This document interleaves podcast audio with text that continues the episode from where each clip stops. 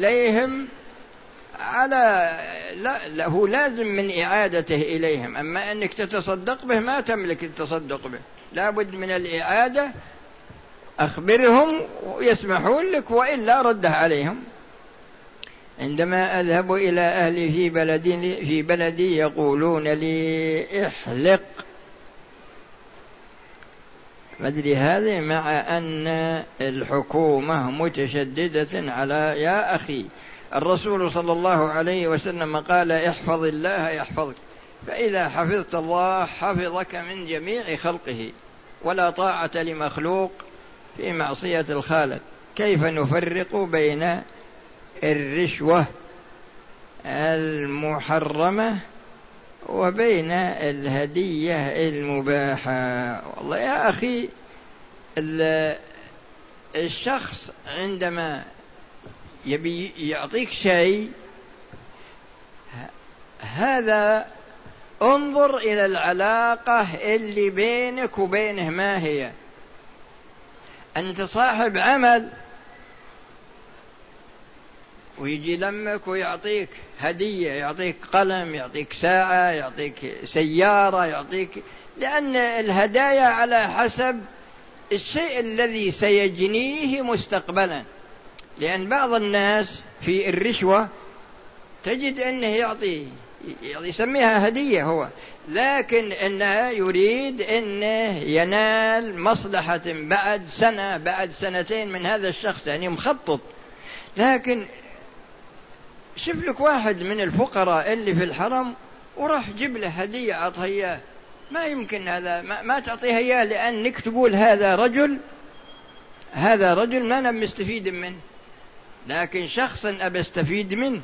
مثل آه، الآن الأشخاص اللي يشتغلون في الأعمال التجارية واللي يشتغلون يروحوا للدوائر الشرعية. أبدا تجد أنه يستخدم الرشوة هذه يعني تلين رأس الشخص الذي يريد أن يتعامل معه. لأنه إذا قبل الرشوة معنى هذا أنه سينقاد لك بالشيء الذي تطلبه منه. وقد تطلب منه يعني إلغى واجب من الواجبات أو تطلب منه الحصول على أمر محرم. أما إذا كان الإنسان مثلا يبي يبي يشوف واحد من عباد الله الصالحين ويبي يعطيه مثلا يهدي إليه هذا طيب. يعني ما يكون بينك وبينه أي علاقة دنيوية.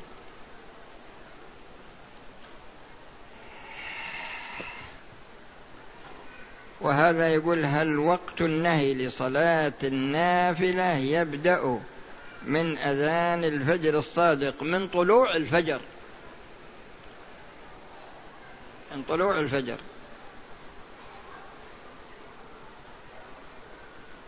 إيش هذا؟ ويقول هل إحياء ليلة سبع وعشرين؟ سبع وعشرين منين؟ من رجب ولا من شعبان ولا ولا من رمضان ولا ما؟ لأنه مطلق هذا. إذا كان من شعبان أو كان من رمضان أو أي شهر إحياؤها بصفة دائمة هذا من البدع. وهذا يقول يبي يتمسح بأستار الكعبة يا أخي هذه خرق ما تنفع ولا تضر ارفع يديك إلى الله. سئل علي رضي الله عنه قيل له كم بين السماء والأرض؟ قال دعوة مستجابة. اسأل ربك ما تتبرك بحجر ولا تتبرك بالخرق؟ هذه شخص ظلمني فقلت عند الكعبة حسبي الله ونعم الوكيل. إذا كان ظلمك حقا وقلت هذا ما عليك شيء لكن لو عفوت عنه لكان أحسن. وهذا يقول يعني أبى غسل الحرام بماء زمزم إذا غسلت ما في شيء.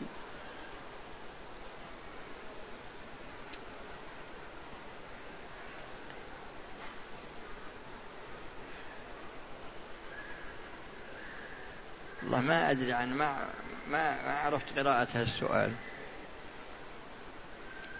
وهذا يقول الجوال حول الكعبة ما بين متكلم وما بين الأصوات والموسيقى. طبعا الإنسان إذا دخل الحرم يغلق لأن هذا إذا كان فيه موسيقى بعد هذا يكون بلية.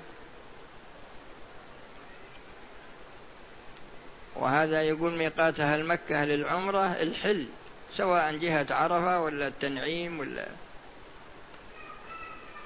امرأة حامل في أول أيامها وهي تحمل أعباء المنزل لوحدها ولم تكمل دراستها وهي وزوجها لا يرغبان الإنجاب تمام؟ هل يجوز لها أن تسقط الجنين؟ لا يجوز لها أن تسقط الجنين بناء على رغبتهما في عدم الإنجاب.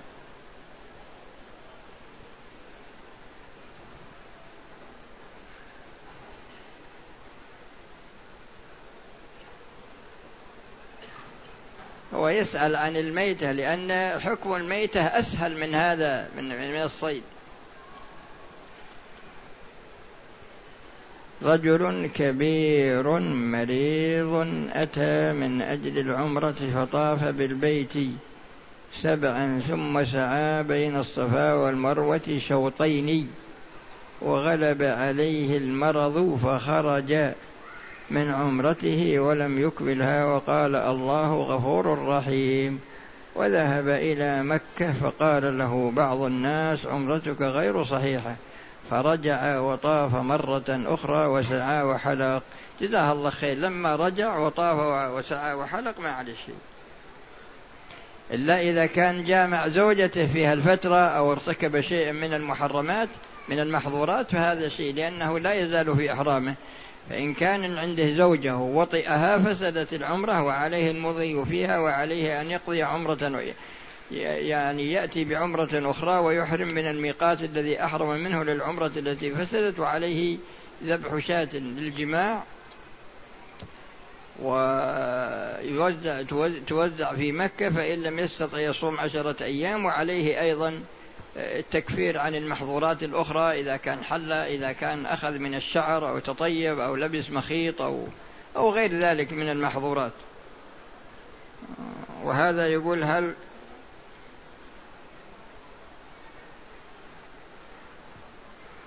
يقول هل كثرة خروج الريح سببه السحر؟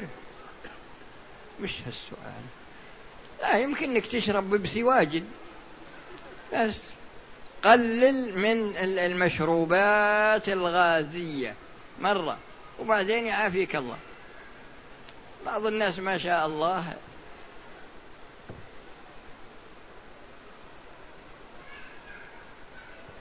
وش هذا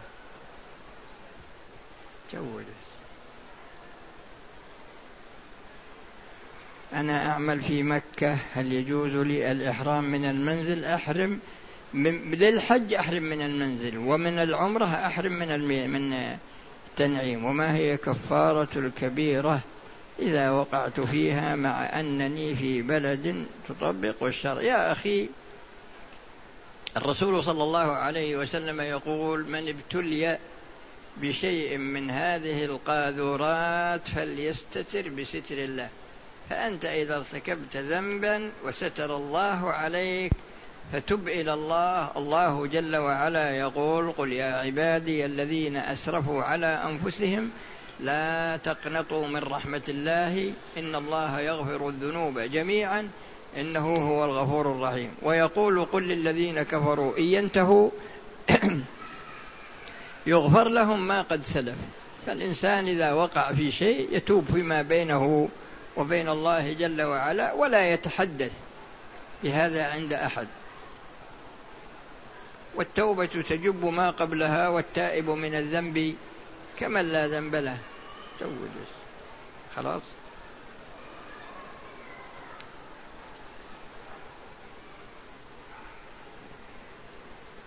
وهذا يقول وش الحكم في استعمال الدش و... والله يا أخي هي على حسب استعمالها. ولكن مما يؤسف له إن, إن غالب الاستعمال يمكن 98% كله استعمال غير مشروع. وعلى هذا تكون حراما.